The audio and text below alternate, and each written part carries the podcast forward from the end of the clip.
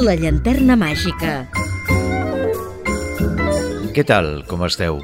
Benvingudes i benvinguts una setmana més a La llanterna màgica, el programa apte per tots els públics. Edició número 233 des dels nostres inicis i setena d'aquesta setena temporada. En una època on trobem llistes de tot tipus, resulta estrany que no hagués cap mínimament autoritzada amb les millors bandes sonores de la història del cine. L'any 2005, l'American Film Institute llançava una relació exclusivament amb els 25 títols Made in Hollywood, encapçalada per La Guerra de les Galàxies de John Williams i on també podíem trobar films més clàssics o neoclàssics com Psicosis o Vértigo de Bernard Herrmann, King Kong i Lo que el viento se llevó de Max Steiner o Lawrence d'Aràbia de Maurice Jarre, entre d'altres. 16 anys més tard, la veterana revista Rock Deluxe va publicar la llista amb les 100 millors bandes sonores originals.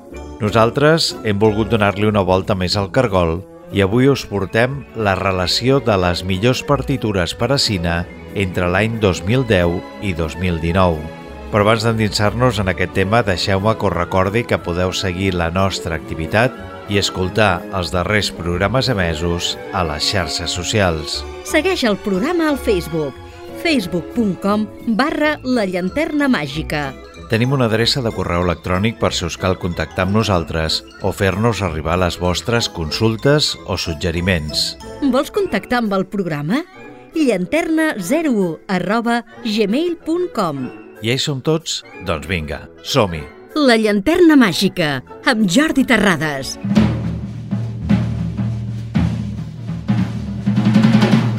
Comencem el programa d'avui parlant-vos de l'escritor, primera col·laboració del compositor francès Alexandre Desplat amb el cèlebre director Roman Polanski. Aquesta unió va donar lloc a una de les millors bandes sonores dels darrers temps. El escritor es centra en tres dies de la vida d'un escriptor a qui encarreguen finalitzar les memòries d'Adam Lang, un ex primer ministre anglès.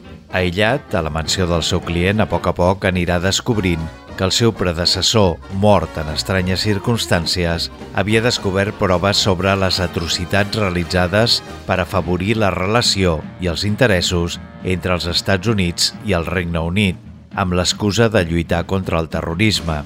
Tots aquests fets involucren no tant el primer ministre com el seu entorn immediat.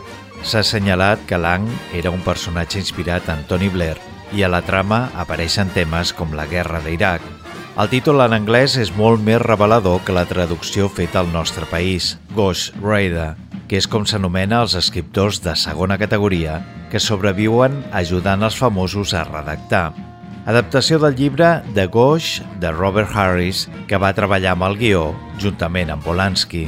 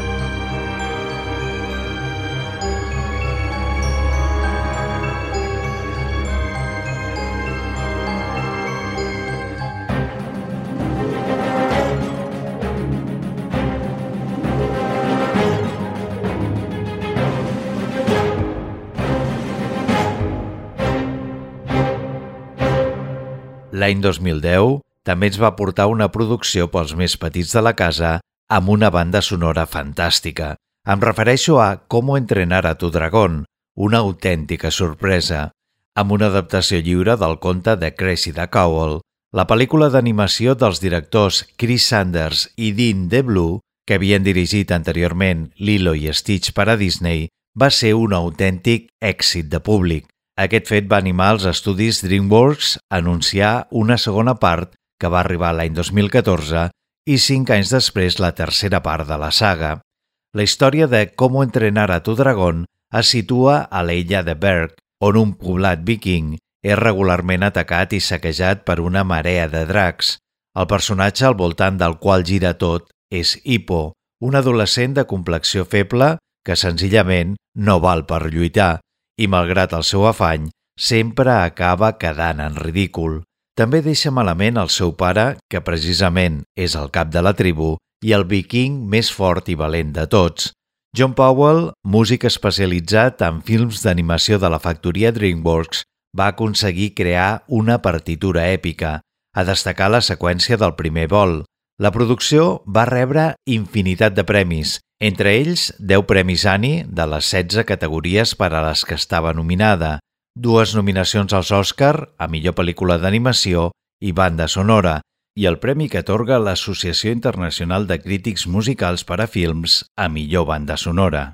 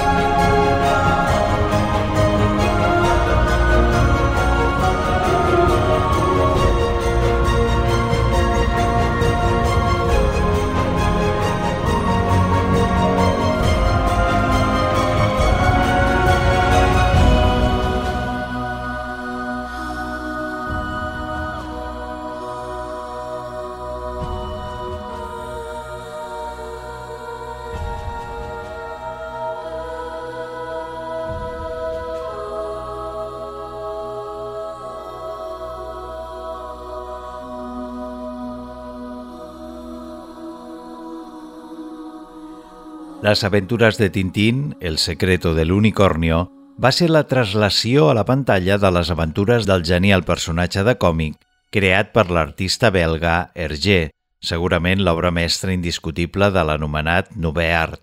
No falten a la cita personatges com Hernández i Fernández, el majordom Néstor o el capità Alarn. La base argumental de la pel·lícula la pren de l'àlbum El secreto de l'unicornio, tot i que el guió incorpora algun element prestat d'altres historietes, sobretot en relació amb la presència de la Castafiore, la soprano coneguda com el rossinyol milanès. Steven Spielberg i el seu equip, on també trobem a Peter Jackson, tampoc pretenien igualar el còmic, tasca que hagués estat del tot impossible. Sembla que quan el director va estrenar En busca de l'arca perdida, alguns crítics europeus van comparar el film amb Tintín i d'aquí va néixer la primera trobada del cineasta amb el personatge de les vinyetes i el desig de portar-lo a la gran pantalla. Amb aquesta producció, Spielberg segueix l'estela de Robert Zemeckis, on també s'utilitza la tècnica de la captura de moviment d'actors per posteriorment generar la seva recreació animada. Costa creure que amb una filmografia que comença a finals dels anys 50 aquesta fos la primera banda sonora composta per John Williams per una pel·lícula animada. La banda sonora va estar nominada als Premis Òscar.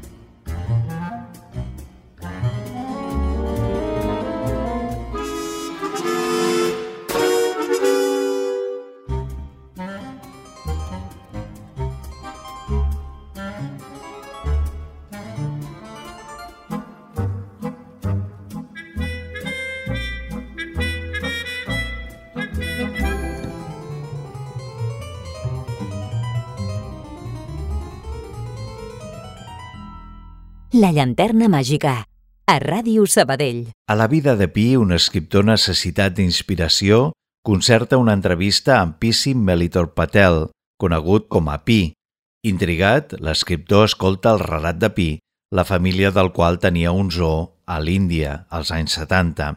El seu pare es veu obligat a desprendre's del negoci i viatja amb els seus rumb a Canadà, disposat a vendre els animals. Fatalment, el vaixell japonès on viatgen naufraga i Pi sobreviu en una barca amb l'única companyia de Richard Parker, que tot i tenir un nom d'humà, es tracta ni més ni menys que d'un ferotge tigre. Inspirada i sensible adaptació de la novel·la de Ian Martel, que a priori semblava una història infilmable, sobretot perquè una part de la història transcorre al vell mig de l'oceà, convivint amb un tigre i enfrontat amb els elements de la natura. Ang Lee, el realitzador que va portar aquesta adaptació a la gran pantalla, torna a treballar amb el seu compositor fetitxe, Michael Dana, en aquesta aventura fantàstica i plena de misticisme. Una obra descomunal, plena de melodies i harmonies que es complementen de manera extraordinària amb les imatges.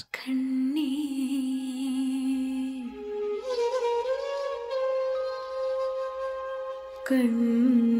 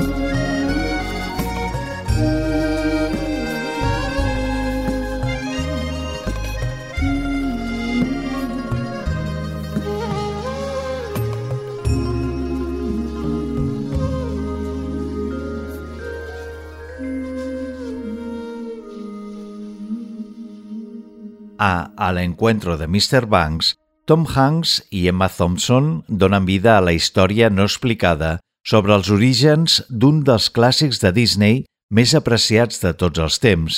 A la pel·lícula se'n revela la sorprenent història que hi ha al darrere de la creació de Mary Poppins. Decidit a complir una promesa a les seves filles, Walt Disney intenta durant 20 anys que l'escriptora australiana Pamela Lyndon Travers li cedís els drets cinematogràfics de la seva primera i més popular novel·la, Mary Poppins, que finalment va ser portada a la gran pantalla l'any 1964. El més respectat dels Newman, Thomas, tenia la difícil tasca de compondre la partitura de la pel·lícula. Com a puntualització al que us he dit, Thomas Newman és membre d'una de les famílies de compositors per a cine més conegudes a Hollywood, fill de compositor, Alfred Newman, el seu tiet, Lionel, compositor de Hello Dolly, el seu germà, David, compositor de bandes sonores com la de Ice Age, i el seu cosí, Randy, també compositor de partitures com les de Monstros S.A. o Toy Story. Newman compon una banda sonora completament original on gairebé no hi ha lloc per la partitura originària del germà Sherman de 1964, una petita joia nominada a l'Oscar.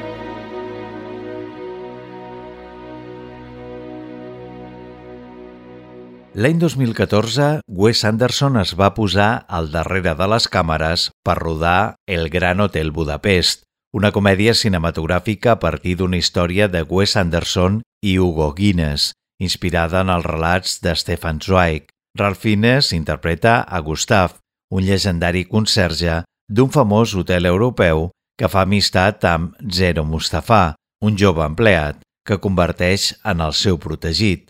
La història versa sobre el robatori i la recuperació d'una pintura renaixentista de valor incalculable i sobre la batalla que s'estableix entre els membres d'una família per una fortuna immensa. Amb aquest títol, Wes Anderson culmina un important gir a la seva carrera.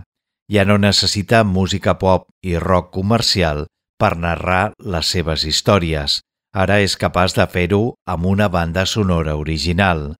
És fascinant comprovar com a cada nou projecte, juntament amb Alexandre Desplat, Wes va deixant de banda les seves eleccions musicals que el van fer famós i que eren gairebé el seu segell d'identitat. La producció va ser mereixedora de quatre premis Òscar a millor banda sonora, direcció artística, vestuari i maquillatge. Sens dubte, una justa mereixedora del reconeixement per part de l'Acadèmia.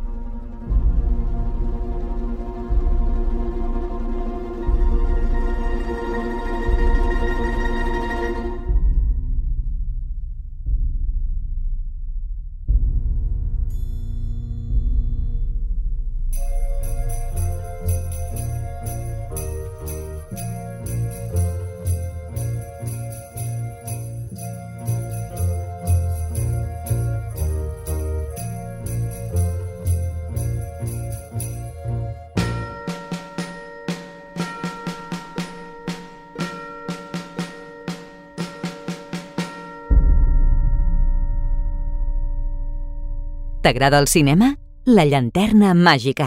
38 anys després de la pel·lícula original i per primera vegada sense la direcció de George Lucas, però amb un formidable successor, J.J. Abrams, l'any 2015 va arribar a les nostres sales de cine Star Wars El despertar de la fuerza. El metratge narra esdeveniments posteriors al retorn del Jedi, quan la sinistra Primera Ordre ha substituït a l'imperi a la banda fosca de la força, amb un exèrcit més poderós que mai i una aliança rebel que fa tot el possible per fer-li front. Rei, una jove sense família, i Finn, un antic soldat imperial, amb l'ajut de l'androide BB-8, hauran d'intentar trobar el lloc on es troba el mític Jedi Luke Skywalker per, una vegada més, salvar la galàxia. Signa el guió Abrams al costat de Lawrence Kasdan, que ja havia participat als llibrets de l'Imperi contraataca i el retorn del Jedi. Williams recupera la seva creació més famosa i torna a demostrar que ell és l'únic capaç d'expandir l'univers de la Guerra de les Galàxies amb resultats excel·lents. Al contrari que la resta de l'equip, John Williams no perd el temps amb homenatges o nostàlgia impostada i ens lliura una nova quantitat de temes i motius que revitalitzen la música del cinema. Destaca el tema de Rei, protagonista de la nova trilogia i que és un dels millors escrits pel compositor.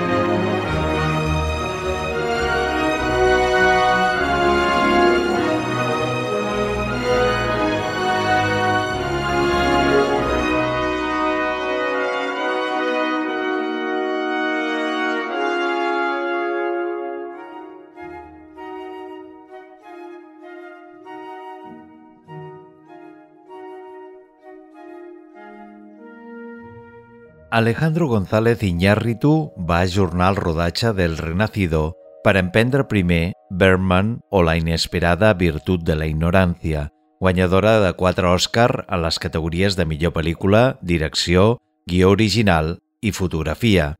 Al mexicà no li va afectar la suposada maledicció dels Premis de l'Acadèmia, ja que va demostrar tenir corda per estona.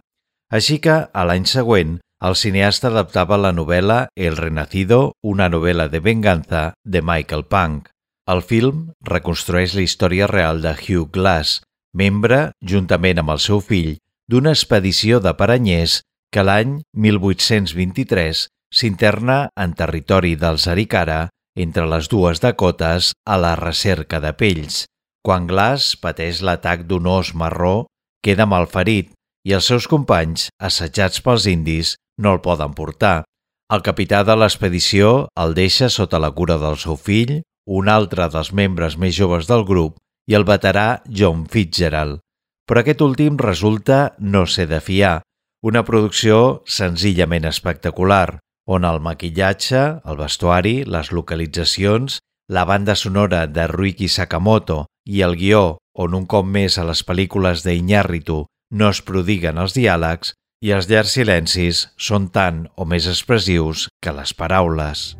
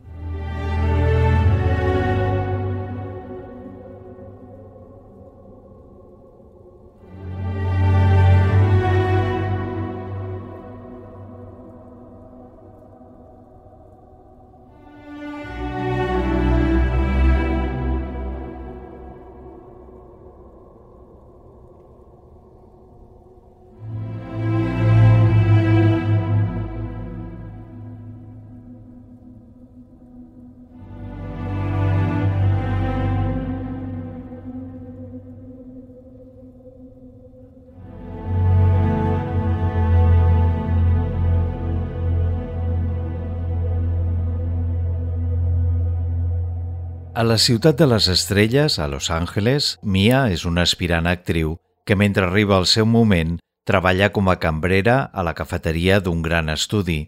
Apassionat del jazz, Sepp toca el piano i somia en convertir-se en propietari d'un local on hi hagin sessions en viu. Coincideixen casualment en embussos, en una cafeteria i en una festa on poc falta perquè estirin els trastos al cap, però de sobte sorgeix l'amor un entusiasme que els porta a recolzar els seus respectius somnis, tot i que les coses no són tan senzilles a la La Land. Després d'arrasar els Globus d'Or, emportant-se els set premis a què aspirava, tot un rècord, La La Land tenia totes les paperetes per triomfar als Òscar. I ho va fer, guanyadora de sis estatuetes a millor director per Damien Chazelle, actriu per Emma Stone i fotografia entre d'altres de les 14 categories per les que optava. Després de l'èxit del seu anterior film, Chazelle, amb el seu compositor fetitxe, Justin Harridge, fan una partitura i una sèrie de cançons originals inspirades en musicals clàssics com Un americano en París o Los paraguas de Cheburgo. sink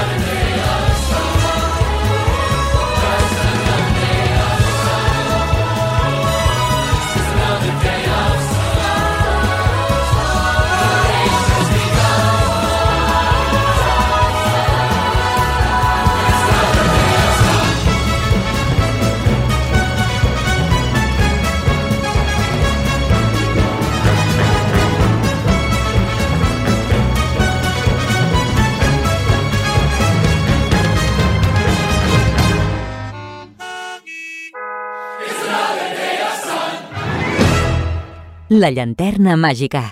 Disponible a Spotify, Apple Podcast i iVox. Paul Thomas Anderson porta ja més de 20 anys sent un dels directors nord-americans més interessants. Va debutar a Sydney l'any 1996 i uns anys després ens va deixar a tots bocabadats amb la seva meravellosa Boogie Nights, superant-se a si mateix amb l'extraordinària Magnolia. Des de l'arribada del nou segle, amb prou feines havia estrenat quatre llargmetratges més. Potser per aquest motiu, l'arribada de cadascun és anhelada per a molts. A El hilo invisible, Anderson planteja un romanç improbable entre un geni de la moda i una cambrera. Els seus camins mai haurien d'haver-se creuat i només un miracle podia fer que connectessin més enllà de la relació entre la treballadora d'un local on fan menjars i el seu client. No obstant això, Anderson sap molt bé de quin fil tirar perquè sigui una història creïble. En definitiva, El hilo invisible ens porta de tornada al millor Paul Thomas Anderson amb una pel·lícula que és cosina llunyana de Rebecca, en alguns aspectes, però que a l'hora de la veritat té una connexió més espiritual que qualsevol altra cosa amb la cinta d'Alfred Hitchcock. A la seva gran direcció i fantàstic equip tècnic cal sumar-hi un trio protagonista que broda els seus papers, Daniel Day-Lewis, Leslie Manville i la fantàstica Vicky Krieps.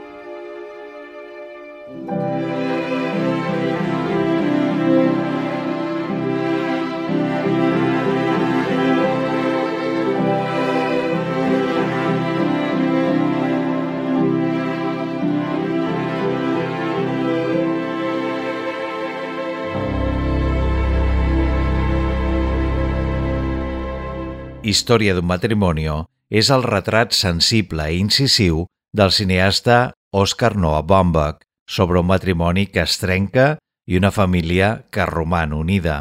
El director es va inspirar en el divorci dels seus pares que li va generar un trauma quan va posar-se al darrere de les càmeres per rodar una història de Brooklyn l'any 2005. Aquest va ser un film que el va col·locar al mapa dels realitzadors a tenir en compte. 14 anys després, que ha patit a les seves pròpies cars que la seva esposa li demanés la ruptura matrimonial, el cineasta pot narrar de primera mà l'altra cara de la moneda. Per tant, el film és ple de referències personals, aconseguint el que possiblement sigui una de les pel·lícules més íntimes de la seva carrera. Bombach defuig dels excessos melodramàtics, involucrant a l'espectador en el conflicte a poc a poc i nombrosos cops d'humor que recorden el cinema de Woody Allen. El novaiorquès deixa sempre molt espai pels actors, per la posada en escena. D'aquesta manera permet el lluïment dels dos protagonistes, Scarlett Johansson i Adam Driver, envoltats d'intèrprets secundaris de primera fila, entre els que destaquen Laura Dern, que es va endur l'Oscar per la seva actuació, el veterà Alan Alda o Ray Liora. Rebeu una salutació de qui us ha estat acompanyant al llarg d'aquest programa, Jordi Terrades. Gràcies per la vostra atenció, ja ho sabeu, sense vosaltres no seríem res, i us esperem a la propera edició de La Llanterna Màgica.